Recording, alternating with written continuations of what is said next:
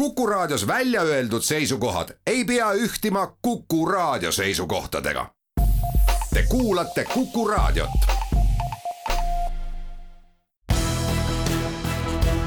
olukorrast ajakirjanduses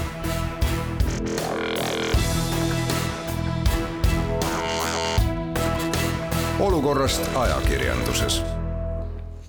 õues on kahekümne kolmas mai kaks tuhat kakskümmend kaks Kuku raadio stuudios viinavabriku kõrval on istet võtnud Rein Lang ja Väino Koorberg, me räägime ajakirjandusest ja olukorrast ajakirjanduses. Ja no minul on esmalt möödunud nädalast kõikide suurte vapustuste vahel ainult nagu kaks toredat kogemust või kaks toredat uudist, mida ma tahaks kindlasti raadiokuulajatega jagada, et et esmalt, et, et kui telefoni saabus kaks push-sõnumit ehk sellist sõnumit, et kui midagi erakordset on juhtunud, väga oluline uudis on olnud, et siis korraga saabusid, et esmalt Postimehed selle kohta, et Eduskunta on NATO-ga liitumise poolt ja järgmisena hakkab eh, NATO-ga liitumist arutama Soome valitsus ja täpselt samal ajal laekus sõnum ka Õhtulehelt, mis eh, hoiatas mind selle eest, olulise uudise eest, et arstil käik lõppes parkimistrahviga ja et maru liha, vihane Triinu-Liis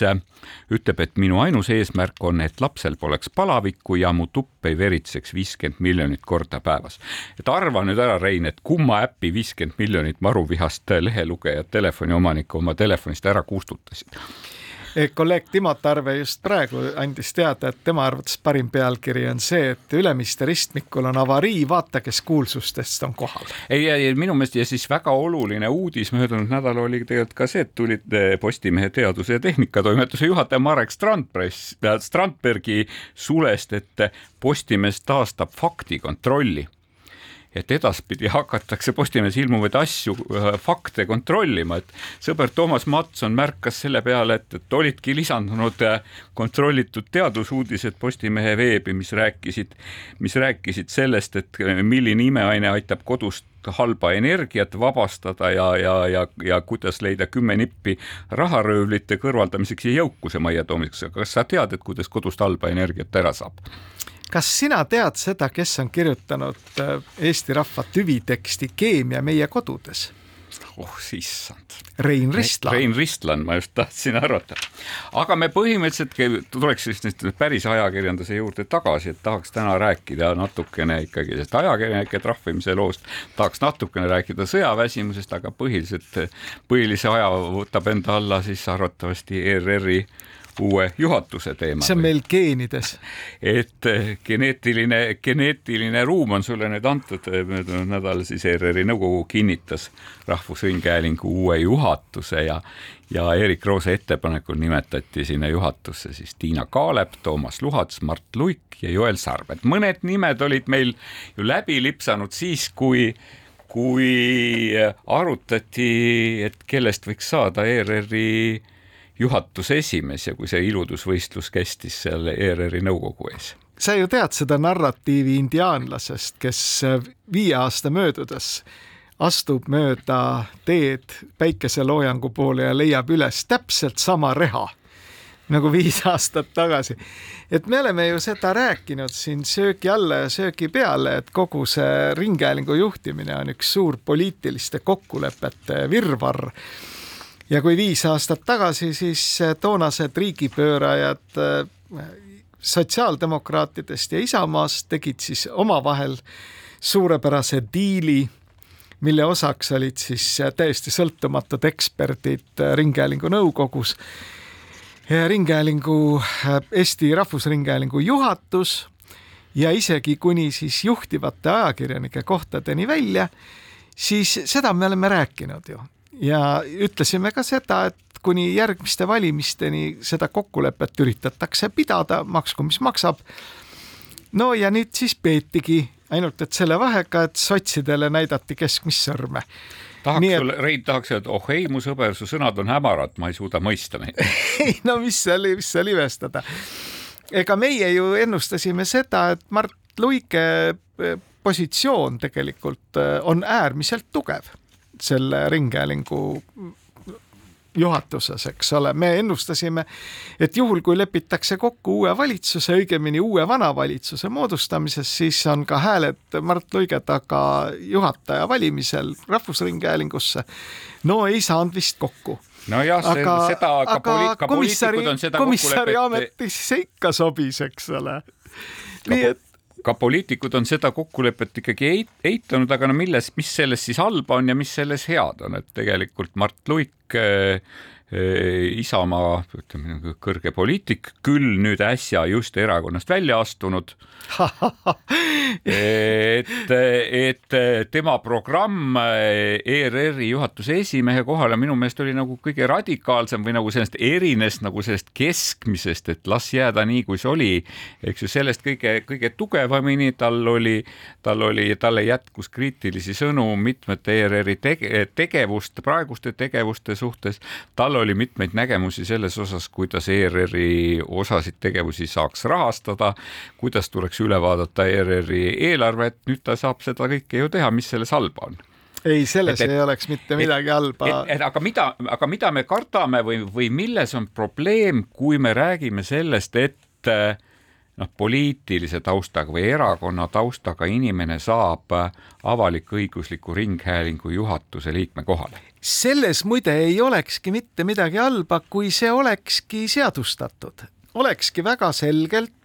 seaduses öeldud. et meil on et nii ring... nagu meil on Ringhäälingu nõukogu, mis koosneb poli... ühest erakonna, iga erakonna ühest esindajast ja siis neljast sõltumatust ekspre... eksperdist, kelle määrab äh, Riigikogu kultuurikomisjon, sulgudes loen needsamad poliitikud. et siis panna omaenda esindajaid, kes varjuvad siis äh, sõltumatu eksperdi maski taha ja siia ongi see koer maetud muide Soome Ringhäälingu nõukogu, kes siis teostab järelevalvet äh, üleüle. seal ei ole mingisugust sellist kaksipidist mõtlemist, see koosneb üksnes ainult parlamendisaadikutest, väga mõistlik minu arvates. parlamendisaadikud, kes on no, omamoodi siis eksperdid selles äh, kommunikatsioonis, võtavad vastutuse, nimetavad ametisse siis äh, parimatest parimad juhid ja kõik paistab läbi aga meil ei paista ju läbi nii et kõik see niisugune pidev sõltumatuse ja objektiivsuse ja parteidest sõltumatuse rõhutamine, selle varjus tegelikult toimub täiesti jõhker poliitiline mäng mis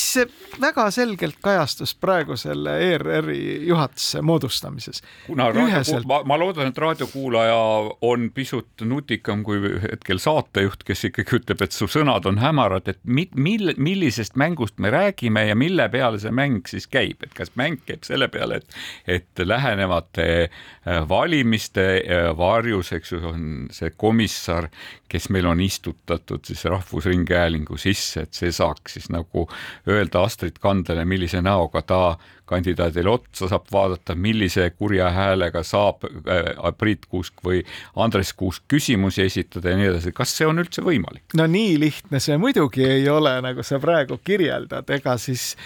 eh, tuntud juhataja Mart Luik vaevalt, et suudab ennast kehtestada selliste meetoditega, et ta kutsub nüüd Andres Kuuse välja ja ütleb, et nüüd teed nii, nii ja nii. nii see mäng ei käi, aga see on mõjujõud, mõjujõud, mida siis erinevad erakonnad üritavad saavutada erinevate poliitiliste intriigide tulemusel selles ERR-is. nii oli viis aastat tagasi, nii on nüüd jälle. lihtsalt, et kurb on vaadata seda, et see praegune nii nõukogu moodustamine või ütleme, nende nõndanimetatud ekspertide valimine ja juhatuse moodustamine, see ei anna endast sellele organisatsioonile mitte mingisugust lisaväärtust. meie teeme siinkohal väikese pausi. olukorrast ajakirjanduses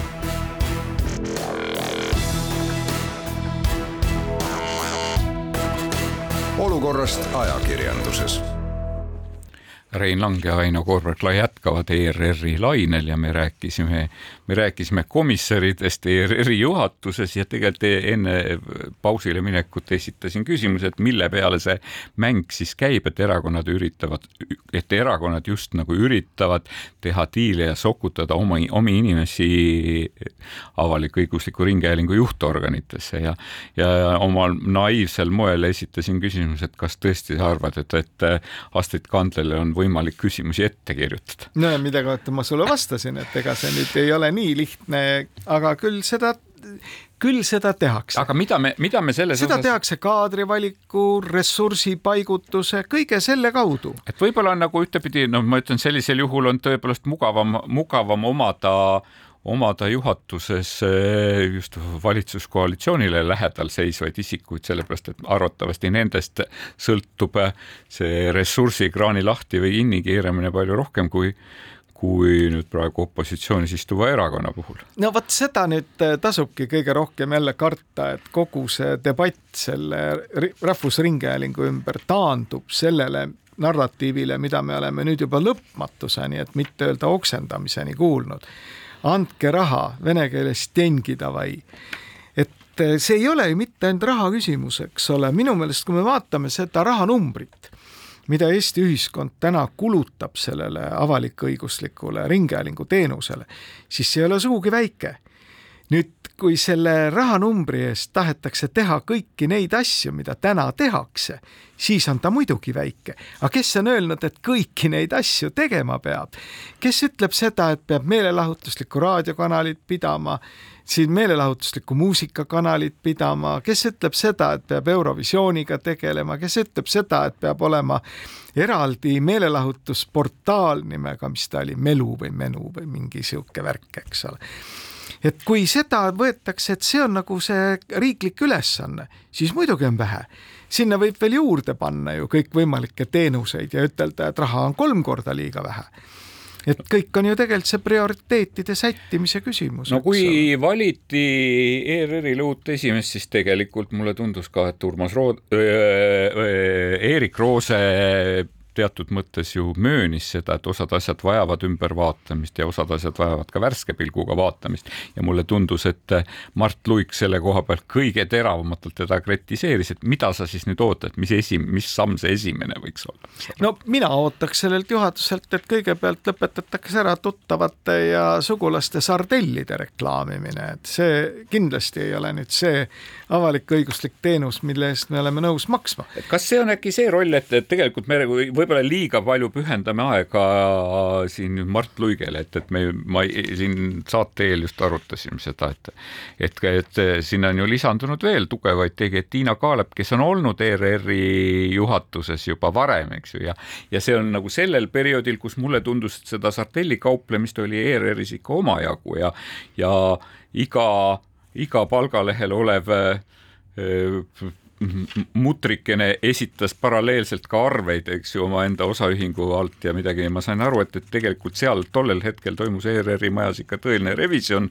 ja, ja vaadati otsa, et kes mida teeb ja kes mida palgaraha eest teeb. no vaatame seda, mismoodi need portfellid nüüd jagunevad, eks ole, nende erinevate juhatuse liikmete vahel. ega Tiina puhul ma tahaks küll loota, et ta selle teemaga tegeleks, juhul kui see tema vastutusvaldkonnaks muutub teiste juhatuse liikmete puhul ma ei oleks üldse nii väga kindel, et nad selles mingit probleemi näevad. ega siis eh, võib ju mõelda ka niimoodi, et ERR kui Rahvusringhääling peab igati kaasa aitama meie kohaliku ettevõtluse toimetamisele,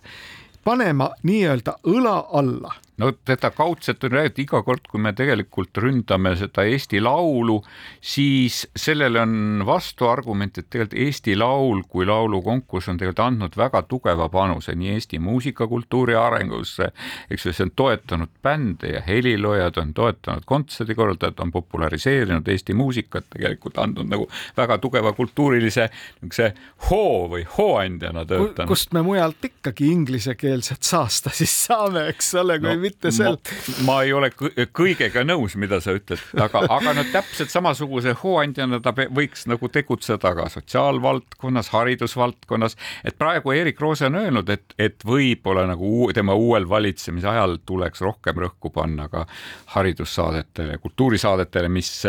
mis tegelikult said ka värskelt tagasi valitud ERR-i nõukogu esimehe Rein Veidemanni suu läbi kuidagi nagu eelisvajadusena rõhutatud. Kui kõik see, mis nüüd kirjutati ja mida lubati, tõeks osutub, siis äh,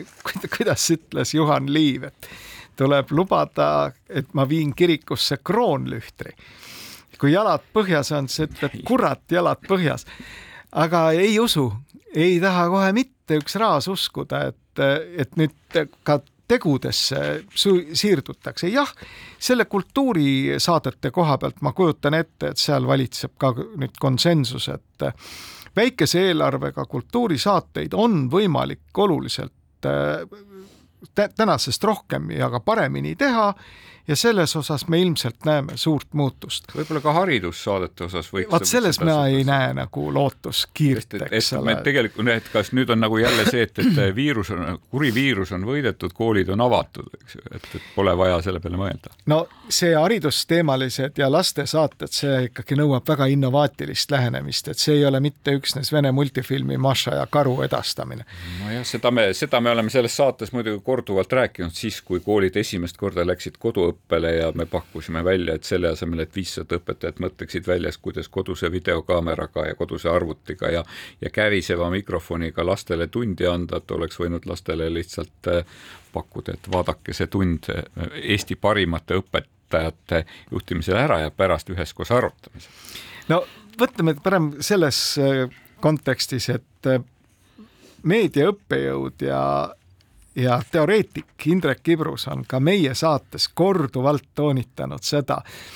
et kommunikatsioonis ja, ja kaasaegses meedias peaks olema Rahvusringhääling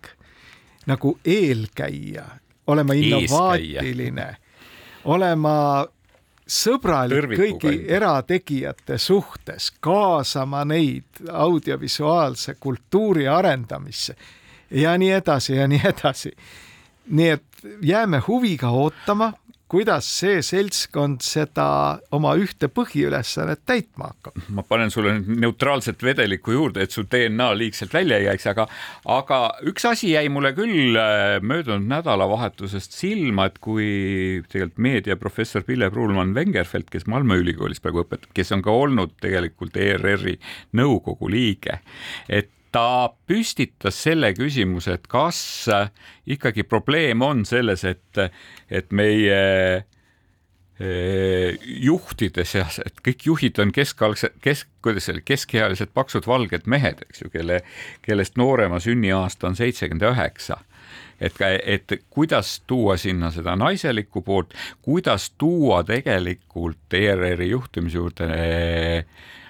uue aja või uue põlvkonna meediaasjatundjaid, et neid, kes tegelikult teavad ja mõtlevad selles mõttes, kuhu läheb televisioon, mis ei ole ammugi enam lineaartelevisioon, eks ju. et kuidas köita nooremat auditooriumi, et ei piisa sellest, et ootame piisavalt kaua, kuni nad saavad vanaks ja hakkavad lineaartelevisiooni vaatama ja nii edasi ja nii edasi. loomulikult kohe, kohe anti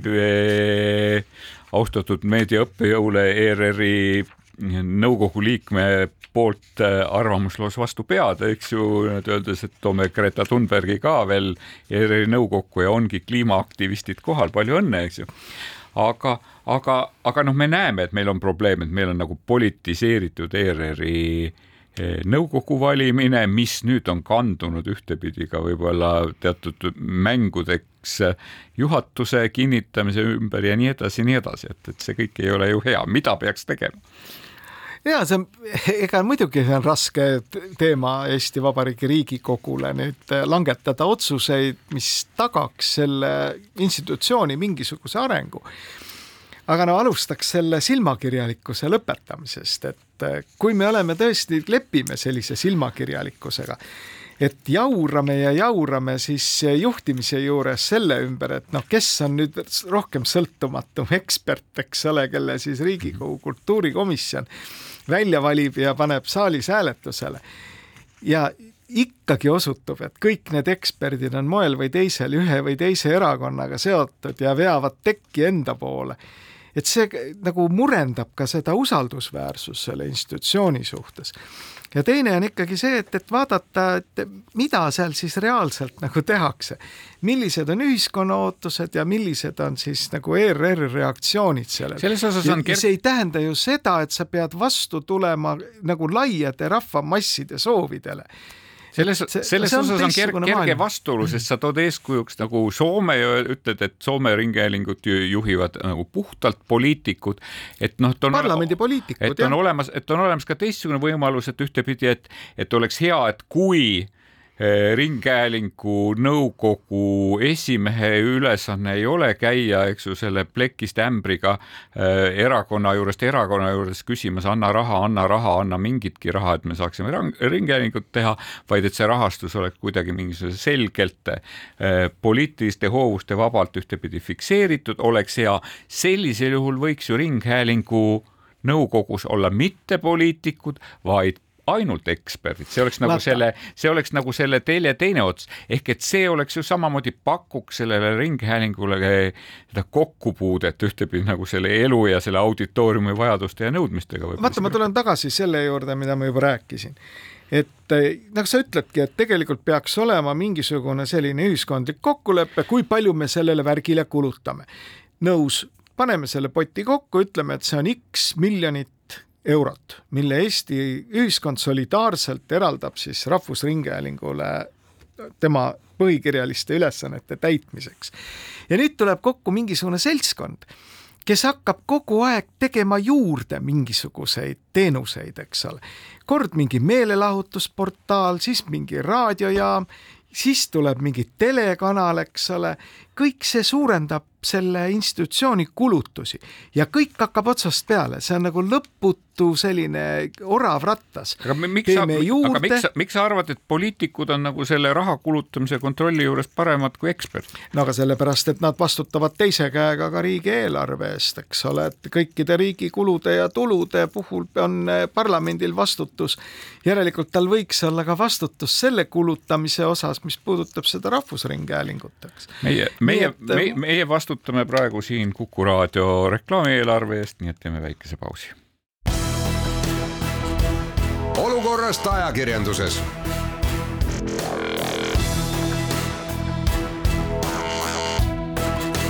olukorrast ajakirjanduses Rein Lang, Väino Koorberg, tõmbame selle ERR-i otsad kokku, et jääme ootama, mida teeb ERR-i uus juhatus, jääme huviga ootama, mida teevad ERR-i senised juhatuse liikmed, kes edasi valituks ei osutud, osutunud tegelikult Riina Rõõmus, eh, pikaaegne Vikerraadio eh, juht Urmas Oru, pikaaegne eratelekanali juht, arvatavasti ei jää nad ripakile, eh, nagu ei jäänud ripakile ka Olle Mirme, kes uuest eh, sügisest ka käivitab televisiooni magistriõppekava Balti Filmi Meediakoolis näiteks. programmiline artikkel, mille eh, härra Roose avaldas enne valituks osutumist, on meil kiletatud et eh, jah, tuleme selle teema juurde tagasi, sa ei saa seda DNA-st välja ja DNA ei saa seda sinust välja. Eh, jätkame oma taval juba vist kolmandat saadet, räägime edasi ka sellest, kuidas kas ajakirjanikke võib trahvida või mitte trahvida prokuratuuri palvel ja kas prokuratuuril on ainuõigus otsustada selle üle, mida ajakirjanikud avaldada tohivad ja, või avaldada ei tohi, et, tegelikult möödunud nädalal ilmus päris mitu tugevat arvamusartiklit ja selle arvamusartikli ajendiks oli, oli siis peaprokuröri Andres, Andres Parmase arvamuslugu ja siis ka tema vastus meediaettevõtete ja e Eesti Rahvusringhäälingu pöördumisele, kus, kus protestiti selle, selle prokuratuuri katse vastu piirata ajakirjandusvabadust. sul oli palju mõtteid selles osas, tundus mulle. ei, ma lugesin väga tähelepanelikult peaprokuröri kirja ja millegipärast meenus mul Šveigis see koht, kus uurija ütleb, et küsim-, vastab küsimusele, kas Šveigi paberid vedelevad teie juures ühemõtteliselt. meil ei vedele siin midagi. et loomulikult ei ahista prokuratuur grammi eestki sõnavabadust, ei tee mingisuguseid takistusi ajakirjanikele oma töö tegemiseks. kuna raadiopilt ei näita, siis ma seletan, et Rein Langil on praegu kavala rebase nägu peas aga samas, mis oli väga hea minu meelest jällegi, et prokuratuur on mustvalgel kirja pannud omaenda seisukoha, et ta loeb täiesti põhjendatuks seda, et prokuratuur peab omama õigust öelda, mida siis kriminaalmenetluse kohta avaldatakse ja mida ei avaldata. ja järelikult peab temal olema ka siis äh, see lõplik õigus määrata, mil, mis on siis avalik huvi teatud kriminaalasjades ja see on äh, pehmelt öeldes on õigusteadlastel üks selline väljendus siinkohal autor eksib. jah, seda on, seda, et autor eksib, seda on äh, arvamuslugus öelnud nii Rait Maruste kui ka Uno Lõhmus, mõlemad on tegelikult nii Riigikohtu kui ka Euroopa Inimõiguste Kohtu taustaga ja ja Rait Maruste ütleb, et väita, et ühiskonda ja avalikkust puudutava info üle otsustamine on prokuröri monopoolne õigus, on pehmelt öeldes ekslik, nagu sa ütlesid. ka prokuratuuril lasub avalikkuse adekvaatse informeerimise kohustus ning seda ei saa asendada sisutühje viitega seaduse normile. ei no absoluutselt ja aga võib-olla ongi niimoodi, et ongi jälle Eesti ühiskonnas väga selge selline veelahe. et äh, need vastikud liberastid arvavad ühtemoodi ja konservatiivselt mõtlevad inimesed teistmoodi ja mina jään huviga ootama näiteks, millal teatud ajakirjandusjuhid võtavad, äh, need, kes värskelt osutusid näiteks valitud äh, Rahvusringhäälingu juhtorganitesse, mida nemad sellest asjast arvavad. et äh, see ei ole päris nagu nüüd mida ma tahan öelda, et see on üsna suur veelahe ja üsna tõsine otsus, otsustamise koht. see on tõsine veelahe ja, ja seda otsustust tegelikult otsitakse ju mujaltki, sest see informatsioon selle trahvimise kohta on jõudnud ka Rahvusvahelise Ajakirjanduse Kaitsekomitee kätte, kes on ka tegelikult küsinud kommentaari, ei ole seda siiamaani saanud, aga on kirjutanud murelikul toonil sellel teemal ka nagu rahvusvahelises ajakirjanduses, et kas sa arvad, et Eesti ajakirjanduses võiks sellel teemal tekkida veelahe? ma ei välistaks seda, ega siis lõppastmes on riigitruid, truusid ajakirjanikke Eestis küll ja küll, eks ole, kes siis äh, saavad suunise ja, ja ütlevad midagi, mis ei pruugi ühtida sellise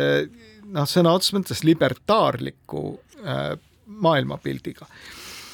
et ähm, ka mina olen muide olnud kogu aeg sellel seisukohal, et see Ekspressi lugu ei oleks tohtinud ilmuda, sellepärast et seal on käsitletud isikuandmeid ja juhul, kui need isikud, kelleks on siis äh, Swedbanki endised juhatuse liikmed, ei andnud nõusolekut oma isikuandmete töötlemiseks juriidilises keeles, siis ei oleks tohtinud Ekspress seda avaldada, aga kui ta avaldas siis siinkohal ei saa olla nõus prokuratuuriga, kes ütleb, et juhul, kui nende käest oleks luba küsitud, et siis oleks tohtinud avaldada. ei tohi. ega siis niisugune kahtlustuse staadiumis mingisuguste andmete lekitamine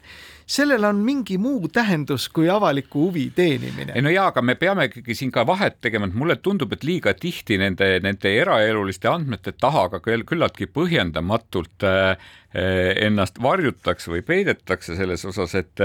et jälle mõlemad õigusteadlased, keda ma siinkohal olen tsiteerinud, on sellel teemal sõna võtnud ja ja, ja mulle tegelikult Uno Lõhmus minu meelest tõi väga hea näite, ta ütles, et on suur erinevus, kas ajakirjanikud avalikustab jälitustegevusega pealt kuulatud vestlusi, sest, sest tegelikult oli ka prokuratuur,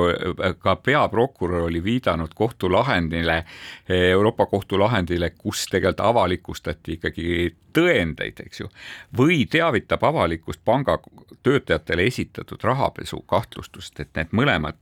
et neid tuleb, need on täiesti erinevad asjad, et esimesel juhul riivatakse õigust eraelu puutum-, puutumatusele kahel korral, siis kui toimub salajane jälgimine ja ka siis, kui see vestlus avaldatakse, kui tegelikult avaldatakse maadevahetuse eh, pealt kuulatud telefonikõnede salvestused, eks ju. aga, aga teistsugune on olukord, kui ajakirjanik ei avalda menetlust, menetlustoimingu andmeid, milleks koht, millel kohtu jaoks on tõendi tähtsus, vaid esitab avalikkusele teavet asjade kohta, mille vastu on avalik huvi.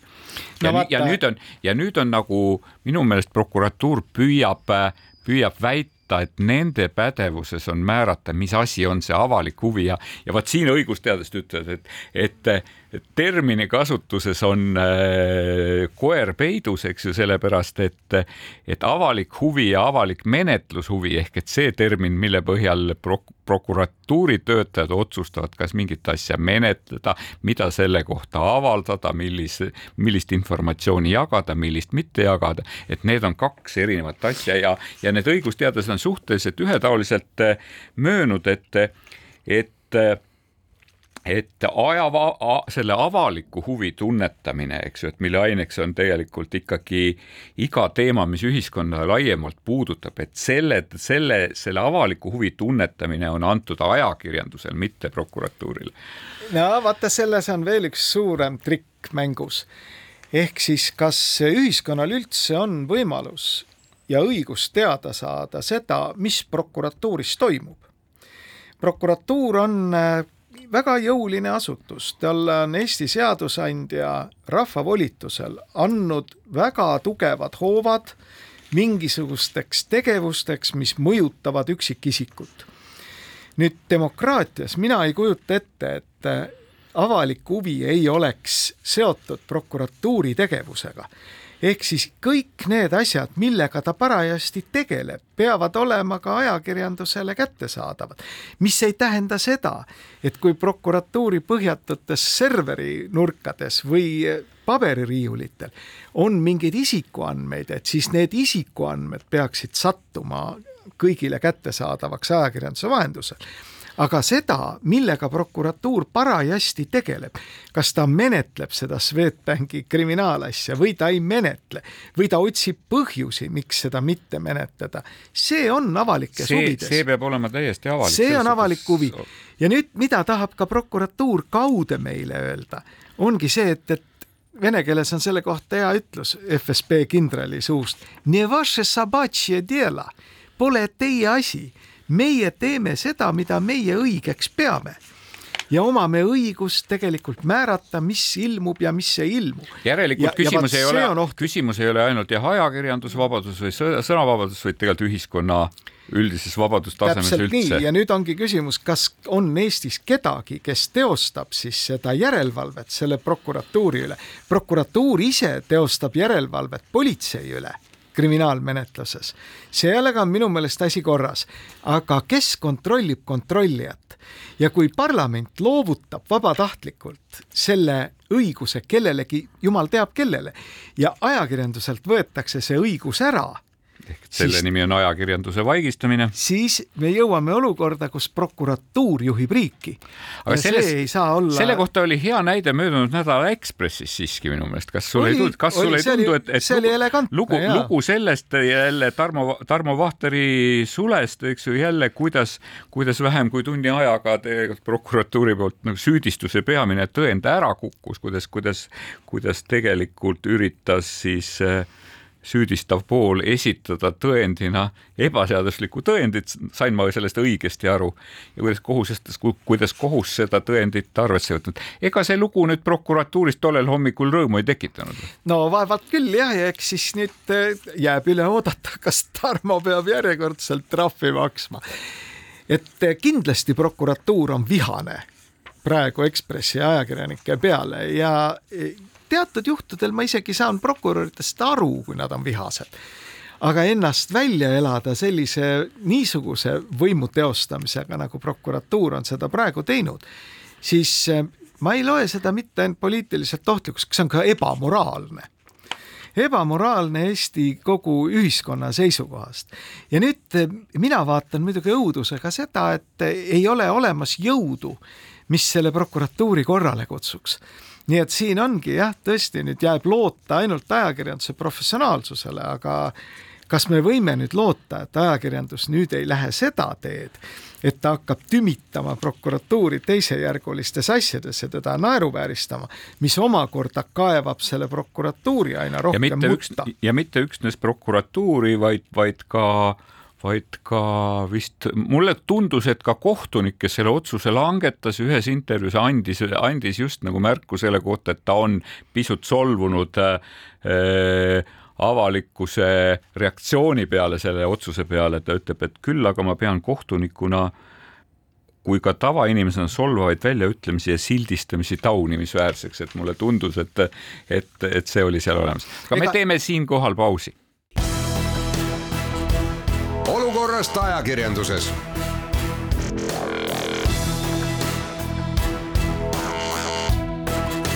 olukorrast ajakirjanduses.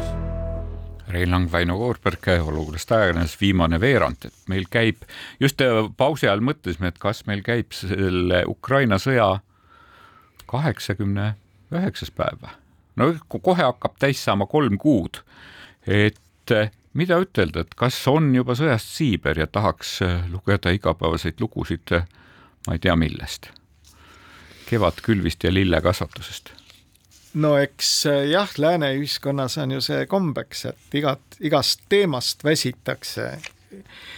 mida mina olen tähele pannud eelmisest nädalast, on see, et aina rohkem ja rohkem on Eesti ajakirjandus samamoodi läinud õnge sellele Vene narratiivile.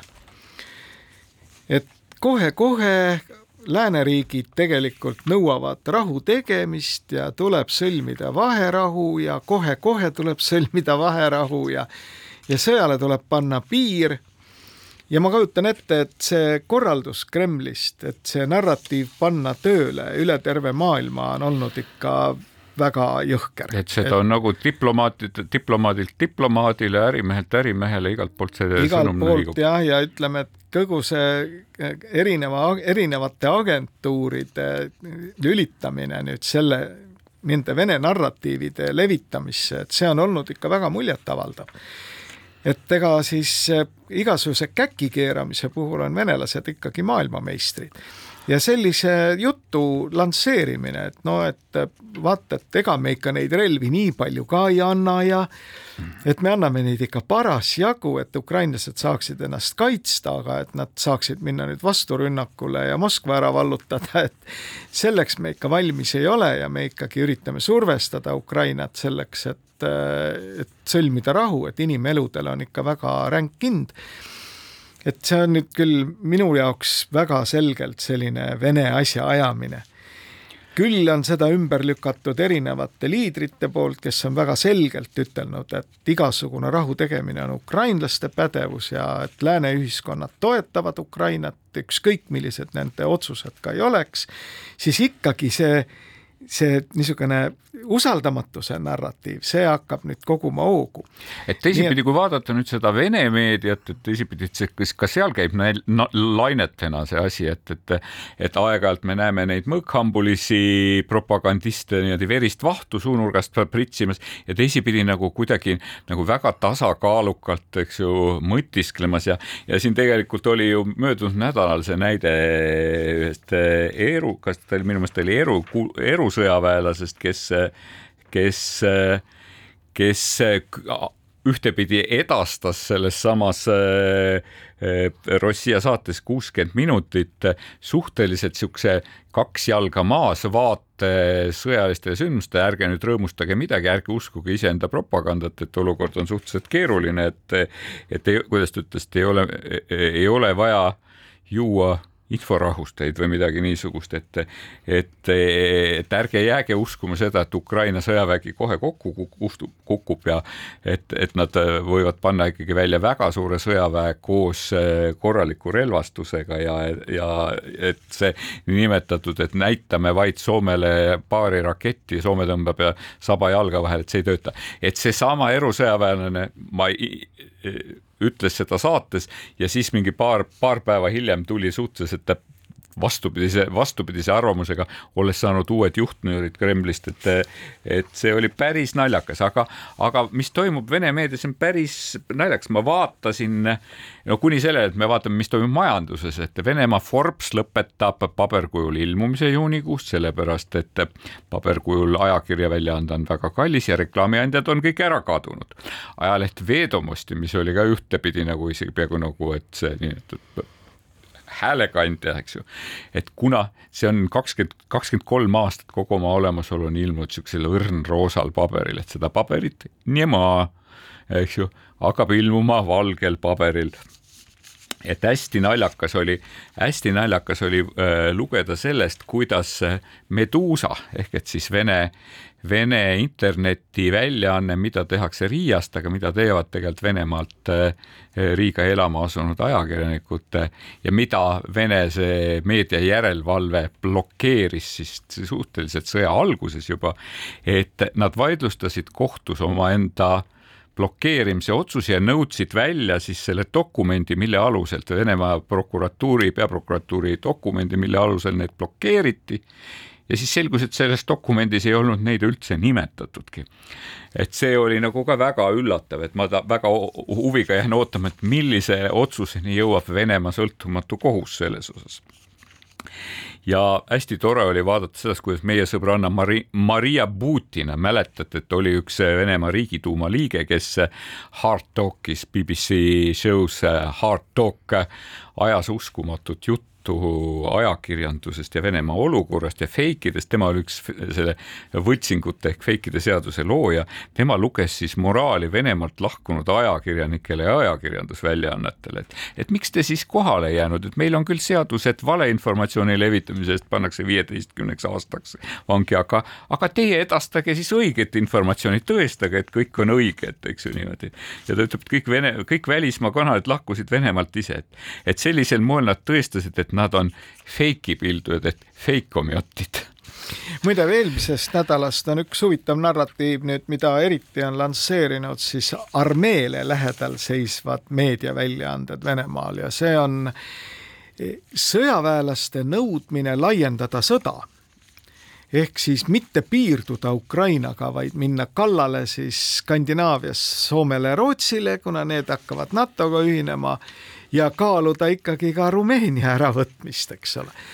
nii et mulle tundub, et see niisugune hirmu tekitamine lääne ühiskonnas on ka võetud nagu tõsiselt käsile. Need kaks asja käivad väga hästi kokku. et see kõik ühe on jah, et ühe käega räägid sellest, et vaja on rahu, täpselt ja üks, ühe sellesamuse kaks erinevat kannikat ja teise käega siis tekitada sellist hirmu, et kohe-kohe kuulutame välja mobilisatsiooni, leiame üles oma need laserrelvad ja insener Karini hüperpoloini ja pommitame tuumarelvadega Londonit aga me väga tahaksime tsiteerida ikkagi Maria Zahharovat, Venemaa välisministeeriumi esindajat, kes ütleb, et väga mitu aastat arvasime me, et Orwell kirjutas äh, oma raamatu totalitarismist, et tuli välja, et see oli üks globaalne fake. kujutage ette, et Orwell kirjutas selle liberalismi lõpust. kas ka nii madalale oli võimalik, äh, oli võimalik langeda? Äh, saate lõpetuseks tuleb ära öelda oluline uudis selle kohta, kuidas Saratovi ajakirjanikud on peaaegu saanud kandideerivad Pulitzeri preemiale, sest nad uurisid lähemalt kesklinna tekkinud väidetavat fekaalipurskkaevu ja vaatasid, millest see purskkaev koosneb kanalisatsiooni lõhkemise järel ja kui nad olid seda lähemalt uurinud, said nad aru, et sealt torust purskab tõepoolest seesama, mis Venemaa telekanalitest. meie hakkame siit oma otsi kokku tõmbama, kellele me võiksime saata tervituslaulu no saadaks ikka muusika, muusikalise tervituse kallitele sõpradele Tiinale ja Mart Luigele. et vaadata, et, et nüüd, kus Isamaa enam hädaohus ei ole, et, et kuidas hakkab edasi elama meie avalik-õiguslik televisioon, et Rein, Rein Langi tuliterav pilk on selle peal, et, et kohtumiseni ja meie saadet jääb lõpetama Mati Nuude lauluga Isamaa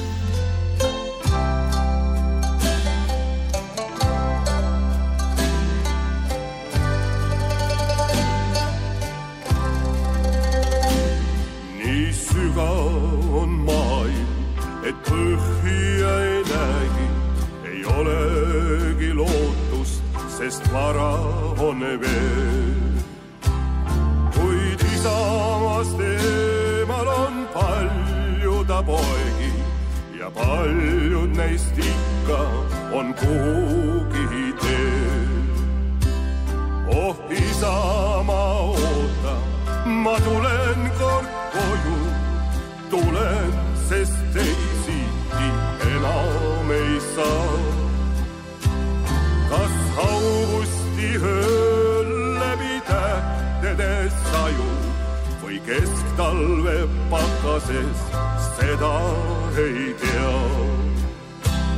nüüd hüvasti sõbrad, goodbye Rosalina, adios mi amigo ja Susi Maria. Kes siis ei või enam aega ma viita, mind ootab üks pisike maa,